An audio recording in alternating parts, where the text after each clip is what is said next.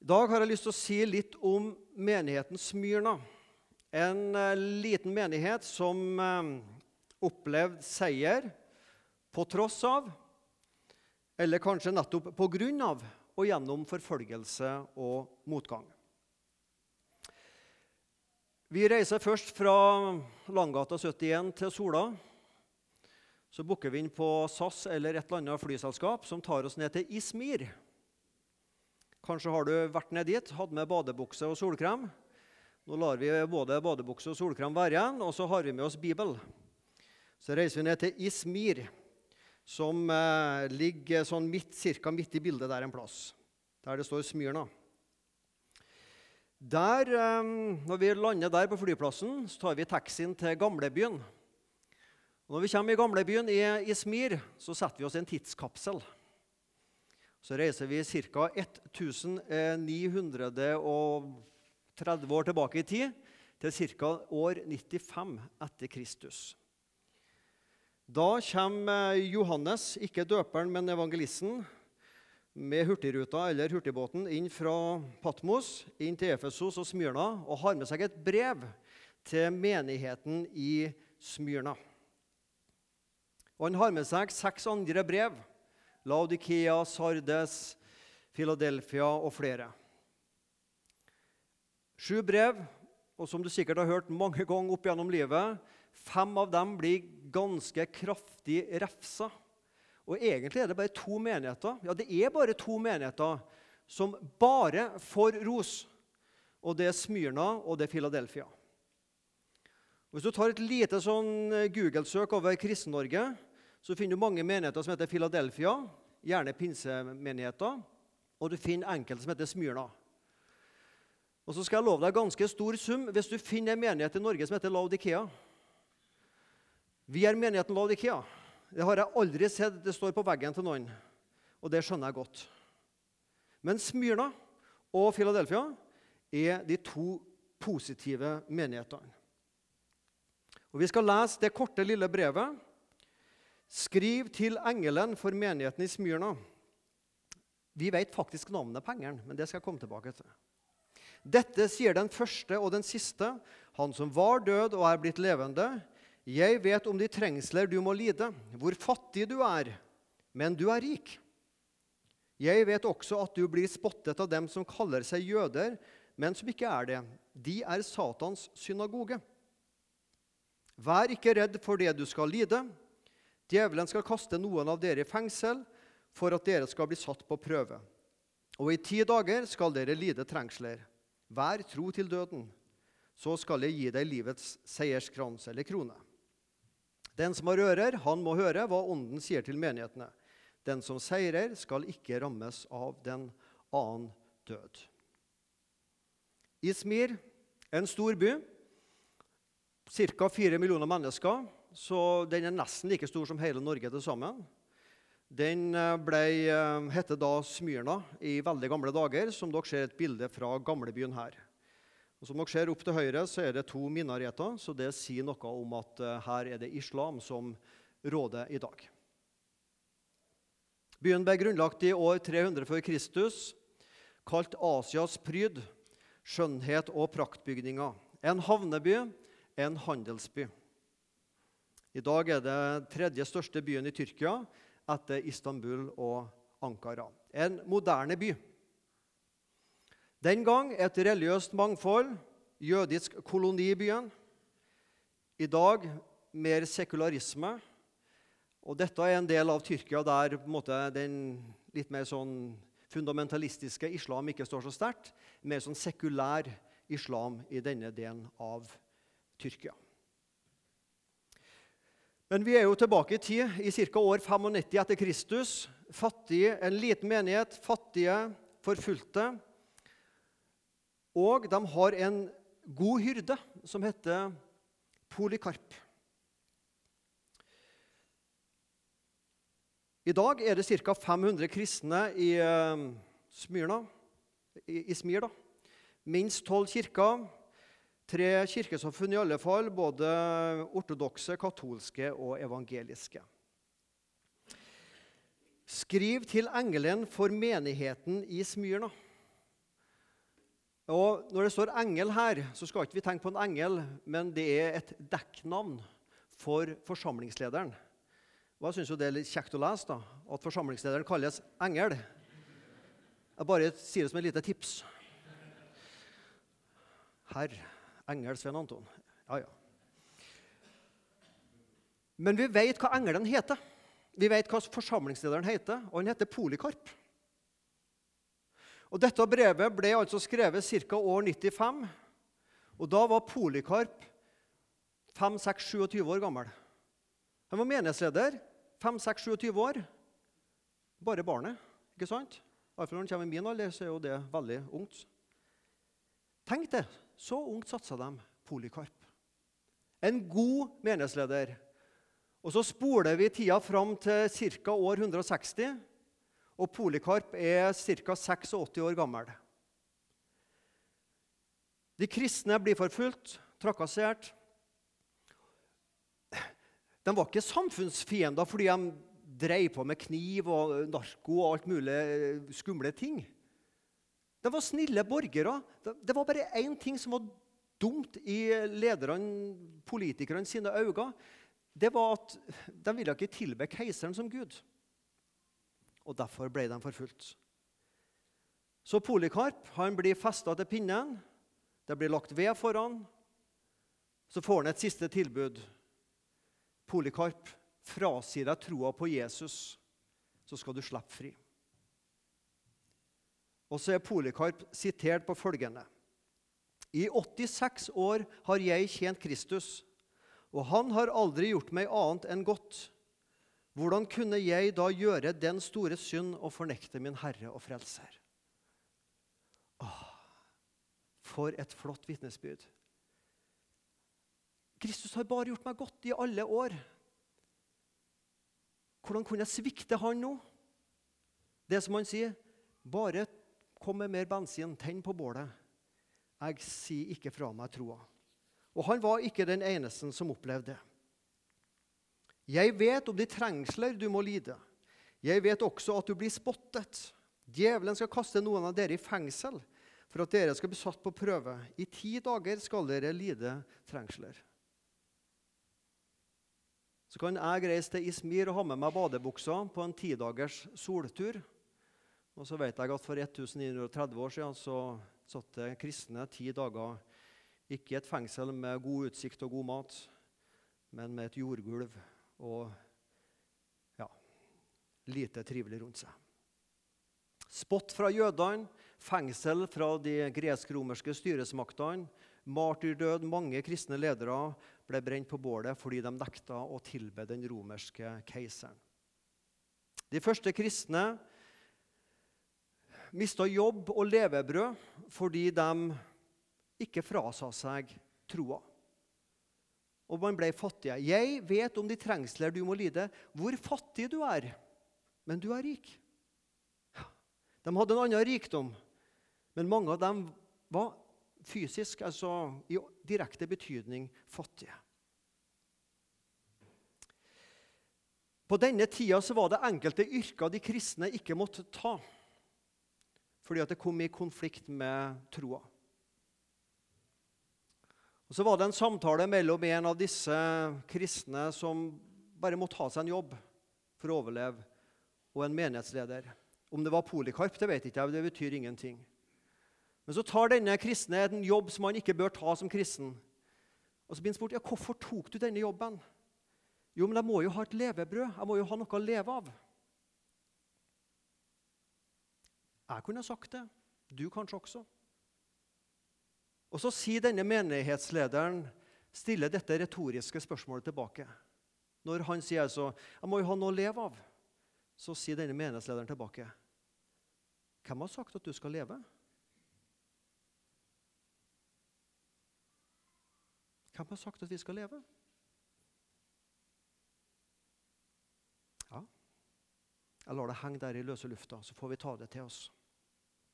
Bak angrepene fra jødene og hedningene så sto det jo en høyere makt, Satan.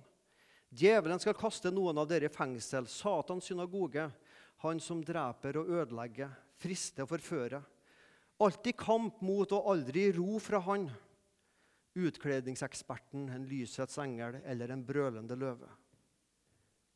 Også i vår tid, i 2019, blir kristne forfulgt i Tyrkia. Vi hopper fram til vår tid og stiller dette spørsmålet Hvorfor forsvant menighetene fra Lilleasia, dagens Tyrkia? Dette var det sterkeste området for den kristne troa i det første århundret. Altså, det heter jo Tyrkia den gangen. Det er etter Atatürk, som var president der for en 100 års tid siden. Men det heter Lilleasia, Syria nedover, Israel, Nord-Afrika var jo det området der kristentroa sto sterkest. I dag er det en av de plassene i verden der kristendommen står svakest. Hvorfor forsvant troa? Hvorfor, hvorfor gikk det tilbake og ikke framover? Det finnes ikke ett svar på det. Men det finnes mange, og et av svarene er nok litt politisk. Det ottomanske riket, muslimene som kom inn etter hvert. Og det var det som ble den rådende religion i dette området. Politikk, kanskje. Kanskje var det også sekularisering, verdsliggjøring. Du har hørt sikkert det begrepet sekulariseringa. Det blir mindre og mindre plass for gudstroa i samfunnet. Og så kan vi som kristne av og til klage over at verden sekulariseres. Det må vi slutte med. Problemet er ikke at verden sekulariseres. Problemet er når Guds menighet sekulariseres. Verden er jo sekulær. Problemet er hvis vi som Guds menighet blir sekularisert. At Gud bare blir en sånn en vi kommer sammen med en gang i uka, og så har vi en time med han. Og så ellers i uka så Ja, hvor er han? Var det at kjærligheten nådde frysepunktet? Var det at det ble lunkenhet i kristenlivet? Fristelse av lyster av mammon? Det var sikkert et sammensatt bilde. Var det motgang, eller var det medgang som var problemet? Et av mine favorittprogram på TV er 'Alaskas villmenn'. Det er kjekt å se noen sånne som jeg aldri kommer til å bli. Hvordan de lever. Ja. Og En av disse plassene de har en liten bosted, heter Port Protection. En plass i Alaska. Det er ikke akkurat et liv for bekvemmelige byaser som meg. De drar ut på sjøen, håper de kommer hjem. Det gjør de stort sett. da. Men iallfall at de har med seg ei stor kveite så det er noe mat gjennom vinteren til seg og familien. Eller at de finner noe drivtømmer de kan tørke og fyre opp med og få litt varme. Farer og død kommer tett på dem hele livet, hele tida. De som ønsker et lettere liv, de bør ikke flytte til Port Protection. I et av disse TV-programmene så, så, kom følgende utsagn som jeg festa meg med. Det er ikke bekvemmeligheter, men besværligheter som gir livet verdi. Smak på den. Det er ikke bekvemmelighetene, men besværlighetene som gir livet verdi. Ja vel? Altså vi vokser mer på motgang enn på medgang. Kan det faktisk være slik at medgang er vanskeligere å takle enn motgang? Jeg slår ikke noe fast, jeg stiller det i spørsmålsform. Så får du tenke over det. Kan det være det at bekvemmelighetene er en større fare for Guds menighet enn besværlighetene? At medgangen er vanskeligere å takle enn motgangen? Kanskje. En båt, en fritidsbåt Du kan se dem inne i havna her i Sandnes. Store, flotte millionyachter. De ligger der. Vinteren, ja. Lenge om sommeren òg. Men det var jo ikke der de ble bygd for å være. De skulle komme seg ut Gansfjorden og ut på det åpne havet, der det er bølger og vind. Vi er båter som det er bekvemmelig å ligge ved havna, men det var ikke der vi ble bygd for å være. Nå kan det jeg si misforstås at jeg tenker at bare søk et besværlig og vanskelig liv, så kommer vi nærmere Gud, og så er alt bra. Nei da. Også livets besværligheter kan være vanskelig. Og Det sier Jesus også om livets bekymringer som kveler Guds ord. Så det kan også skje. Men i dag tar jeg fram denne tankegangen fordi at dette har opplevd Smyrna. Smyrna sitt problem var ikke bekvemmelig, et bekvemmelig liv, men det var besværlighetene. Men kan det være at vi, som ikke er i samme situasjon som Smyrna, må spørre oss om det er bekvemmelighetene som gjør oss sløve kristne? Tenk iallfall over det. Kan det være at menighetene forsvant pga. politiske grunner, av sekularisering? Kanskje var det motgangen? Eller kanskje var det medgangen? Eller var det forførelser og ikke forfølgelser?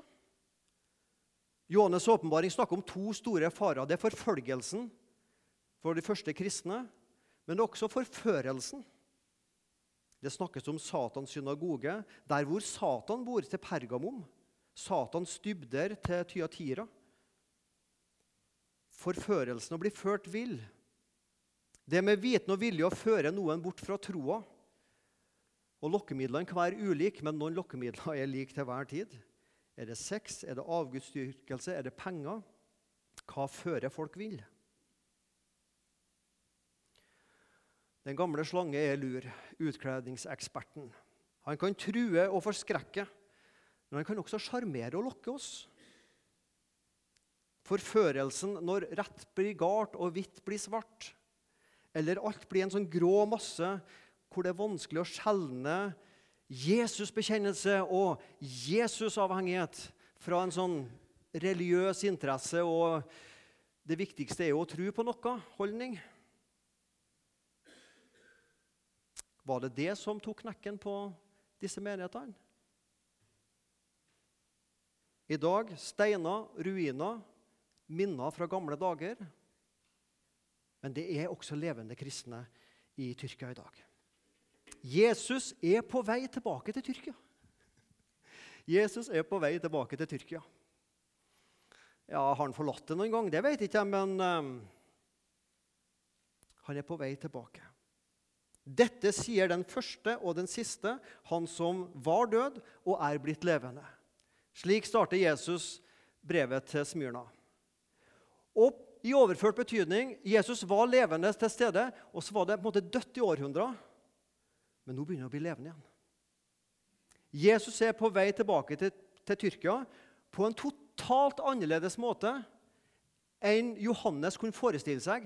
Hadde vi reist tilbake når vi for tidskapselen tilbake til Smyrna og møtt Johannes og sagt vet du Johannes, om 1930 år så kommer Jesus til å tilbake til Tyrkia på denne måten. Han ville ikke ha skjønt bæra. Og nå heller dere litt på pinebenken hva denne måten er, men den kommer ganske snart. Han kommer usynlig ned fra himmelen på en totalt annerledes måte. Litt om Tyrkia. 80 millioner mennesker, 150 000 kristne totalt. Maksimum 6000 evangeliske kristne tyrkere. For de fleste kristne er armenere, europeere, som har flytta dit. Men etniske tyrkere som er med i en evangelisk menighet, er 6000. 80 millioner. Skal vi skalere det litt ned, ta vekk tre nuller Sandnes kommune, når vi etter hvert nå sluker hele store Forsand, iallfall i areal, men ikke i folk, så er vi ca. 80 000 mennesker i Sandnes. Da kan vi ta vekk tre nuller. Hvis dagens Tyrkia har vært likt dagens Sandnes, eller dagens Sandnes har vært likt dagens Tyrkia, så hadde det vært seks evangeliske kristne i Sandnes kommune. Ja, ikke sant? En helt annen situasjon enn i bibelbeltet. Tyrkia har stått i sentrum for kristendom, kristendommens utbredelse gjennom 2000 år. I dag er det en liten minoritet kristne i dette landet. Og Det er vanskelig å være kristen i Tyrkia. Sosialt press, ensomhet Kun noen få tusen kristne i landet. Nå kommer Jesus ned fra himmelen på en totalt annerledes måte enn Johannes kunne vite. Han kommer gjennom TV-sendinga. Fra en satellitt langt oppe i verdensrommet så sendes kristne programmer ned til tyrkerne. Ikke bare i Tyrkia, men i tyrkisktalende områder i hele Lille-Asia. Sat7. Denne kanalen kan potensielt nå 55 millioner mennesker. Det er tusenvis av ganger flere enn det Paulus nådde. Kan vi i dag faktisk potensielt nå.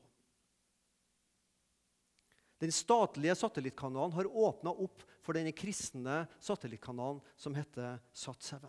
Jesus sendes inn i Tyrkia på en ny måte.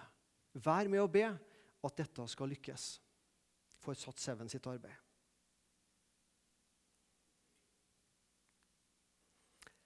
Til slutt hvordan kan vi unngå noe av det som menighetene i Lilleasia opplevde, at Jesus forsvinner fra Norge? fra bibelbeltet, fra menigheten, fra mitt liv. Hvordan kan vi få Jesus tilbake til Norge? Igjen, Jesus har ikke forlatt Norge. Men vi vil jo ha mer av Jesus i Norge.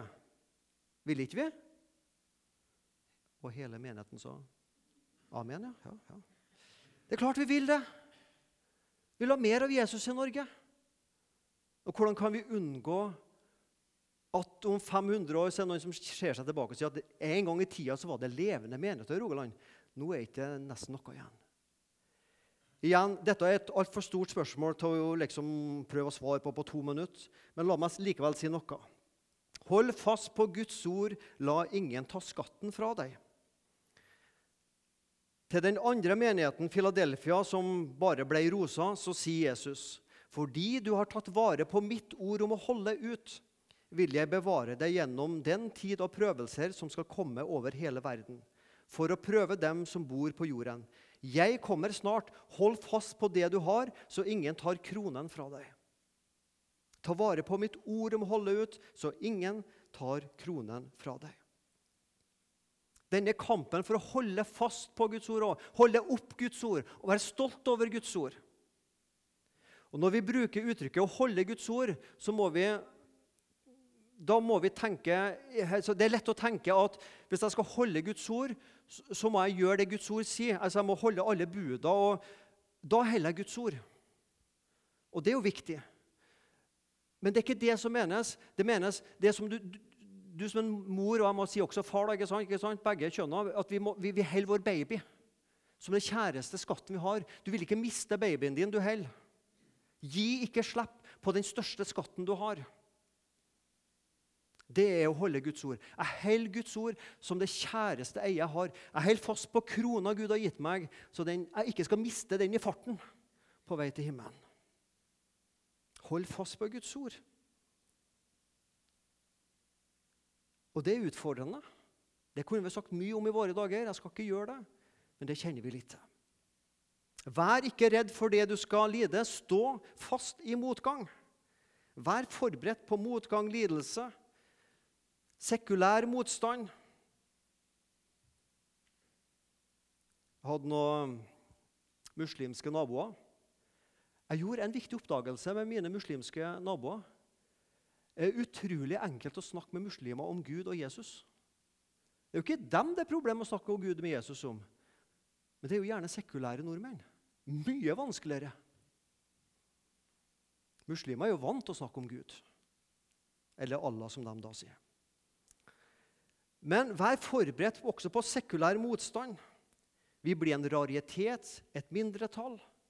Og et mindretall som majoriteten syns det er vanskelig å forsvare at man faktisk som minoritet kan få lov å stå for det man står for. Ja, Hvem kan spå om framtida? Det kan ikke jeg. Men dette må vi ha med oss. Vær tro til døden, sa Jesus til de kristne i Smyrna. Vær tro til døden, Altså vær tro fram til du dør, men også vær tro til og med om det skal koste deg døden. Det var Polikarp. Det var de kristne i Smyrna. Vær tro til døden. Vær ikke redd for det du skal lide. Vær tro til døden, men vær heller redd for at sekularismen skal fortrenge gudsfrykt og Jesus-avhengighet. Vær smittsomme kristne. Vær en smittsom kristen. kan du barnesangen 'La meg få smitte deg litt' med ekte glede. Nå er det tid for å synge den sangen, for nå må vi ta litt sånn vaksiner. vet du. 'La meg få smitte deg litt' med ekte glede. Jeg skal gå og ta influensasprøyte en dag. Da blir jeg sikkert immun mot, i alle fall mindre sjanse for å bli smitta av influensa. Ta forhåndsregler. Vask hendene. Ikke bare skyll liksom fingertuppene, som jeg har en tendens for, men sant, litt varmt vann og såpe oppå og sånn. og Gjør det skikkelig. Ta det nøye med håndvask for å ikke bli smitta. Det er noe av det vi lærer og skal lære barna. Host inni der og så alle disse tinga. Og så snur vi på det. Vi skal jo være smittsomme kristne. Passer du på å få noen sånn vitamininnsprøytninger i arm og hjerte med litt sånn uh, smittsom kristendom? Dette er jo en smitteplass. Nå prøver vi å smitte hverandre med Jesusbegeistring og bibelsk kristendom og alle disse tinga. Det er jo det vi prøver å smitte hverandre med på en søndag. Når du har en bønnestund og ber, så, så, så får du liksom en sånn vitamininnsprøytning med smittsom kristendom i deg. Pass på å få i deg smitte. Ikke sant? Det er det vi må passe på. Pass på å ta forhåndsregler mot smitte. Men eh, vi som kristne er jo også kalt til å be, ikke bare beskytte oss mot det som er skittent, men faktisk oppsøke det. Altså, I overført betydning oppsøk mennesker som ikke kjenner Jesus og lever med han. Ikke at de er skitne sånn, men nå snakker vi i overført betydning. At vi ikke bare er med dem som alltid liker oss sjøl, som vi syns er like, like meg sjøl men er en kristen som er på steder og møter mennesker som er annerledes enn meg? Hvordan skal mine arbeidskollegaer, mine naboer osv. få møte Jesus?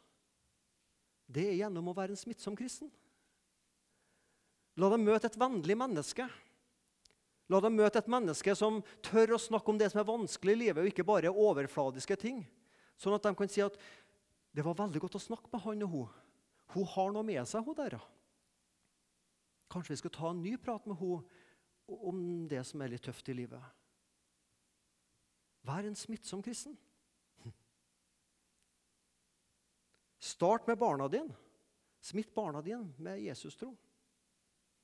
Familien din. Ja, hvordan gjør vi det? Mange måter. Og dette skal bli noe av det siste, det skal bli det siste jeg sier i dag. Johannes 9, denne blindfødte som Jesus helbreder, som var blind og som ble seende. Og så møter han fariseeren. Fortell oss hva som skjedde. Hvem er han som helbreder deg? Så sier han hvem han har ikke peiling. altså. Det kan jo være hvem som helst for meg. Men det er én ting vet jeg, sier han. Jeg var blind, og nå ser jeg. Det var vitnesbyrdet. Jeg var blind, og nå ser jeg. Jeg var blind, så møtte jeg Jesus, og nå ser jeg. Jeg levde et destruktivt liv. Så møtte jeg Jesus. Har jeg fått et liv med mål og mening? Sakkeus. Jeg levde for penger, helst å lure penger av folk. Så møtte jeg Jesus. Og nå er jeg opptatt av å gi penger til andre mennesker. Hva er din historie? Hva forandring har Jesus gjort i ditt liv? Og Når du kan sette noen ord på det, hva forandring Jesus har gjort i livet ditt, hva Jesus betyr for deg Ikke med disse store, flotte teologiske ordene. Ja Rettferdiggjør altså, Jo, det er gode ord, men med et hverdagslig språk forklare et annet menneske hvorfor du tror på Jesus. Da har du en smittsom kristendom som gjør at et menneske begynner å tenke ja, er det sånn kristendom er? Kanskje kristendom kan være noe for meg også. Lever vi sånn? Og lever menigheter i Sandnes og Norge sånn? Så kan de om 500 år siden I dag er det levende kristendom i Norge. Fordi at sånn levde de kristne for 500 år siden, for 400 år siden. Lykke til med det. Herre Jesus, vi takker deg for Smyrna og det forbildet de var midt i forfølgelse, vanskeligheter, motgang. Men de holdt ut, og de var avhengig av hverandre og deg, Jesus. La oss hjelpe oss som velstandskristne i Norge å takle medgangen, livets bekvemmeligheter. Ja. At vi ikke blir sløv, lunkne, lite kjærlighet, men at Jesus-avhengigheten og Jesus-begeistringa lever i oss. Gjør oss alle til mer smittsomme kristne. I ditt navn. Amen.